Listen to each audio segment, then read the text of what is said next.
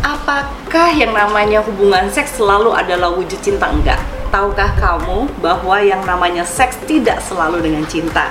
Tapi idealnya yang paling oke okay itu adalah uh, jadi yang namanya seks ya itu ada tingkatannya. Namanya pleasure lalu ada yang paling tinggi banget itu adalah satisfaction.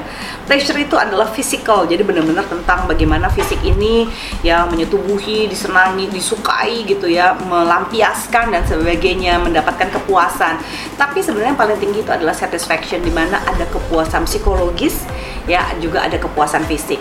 Fisiknya puas ya tapi juga uh, pikirannya puas. Tapi artinya sekali lagi bahwa tidak pernah bisa kalau kita tidak ada rasa cinta kita bisa mendapatkannya dengan seks.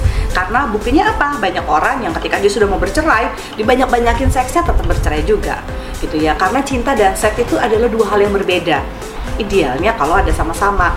Tapi sering kali dalam penelitian nih saya um, menemukan ada beberapa perempuan terutama yang menanyakan gini, kamu cinta sama saya? Tapi bajunya udah dalam keadaan terbuka.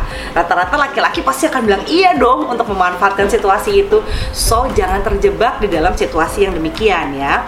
Jadi sekali lagi yang namanya cinta gitu ya tidak selalu bisa diungkapkan dengan seks karena seks dengan cinta itu juga bisa. Idealnya lakukanlah seks dan cinta pada konteks pernikahan.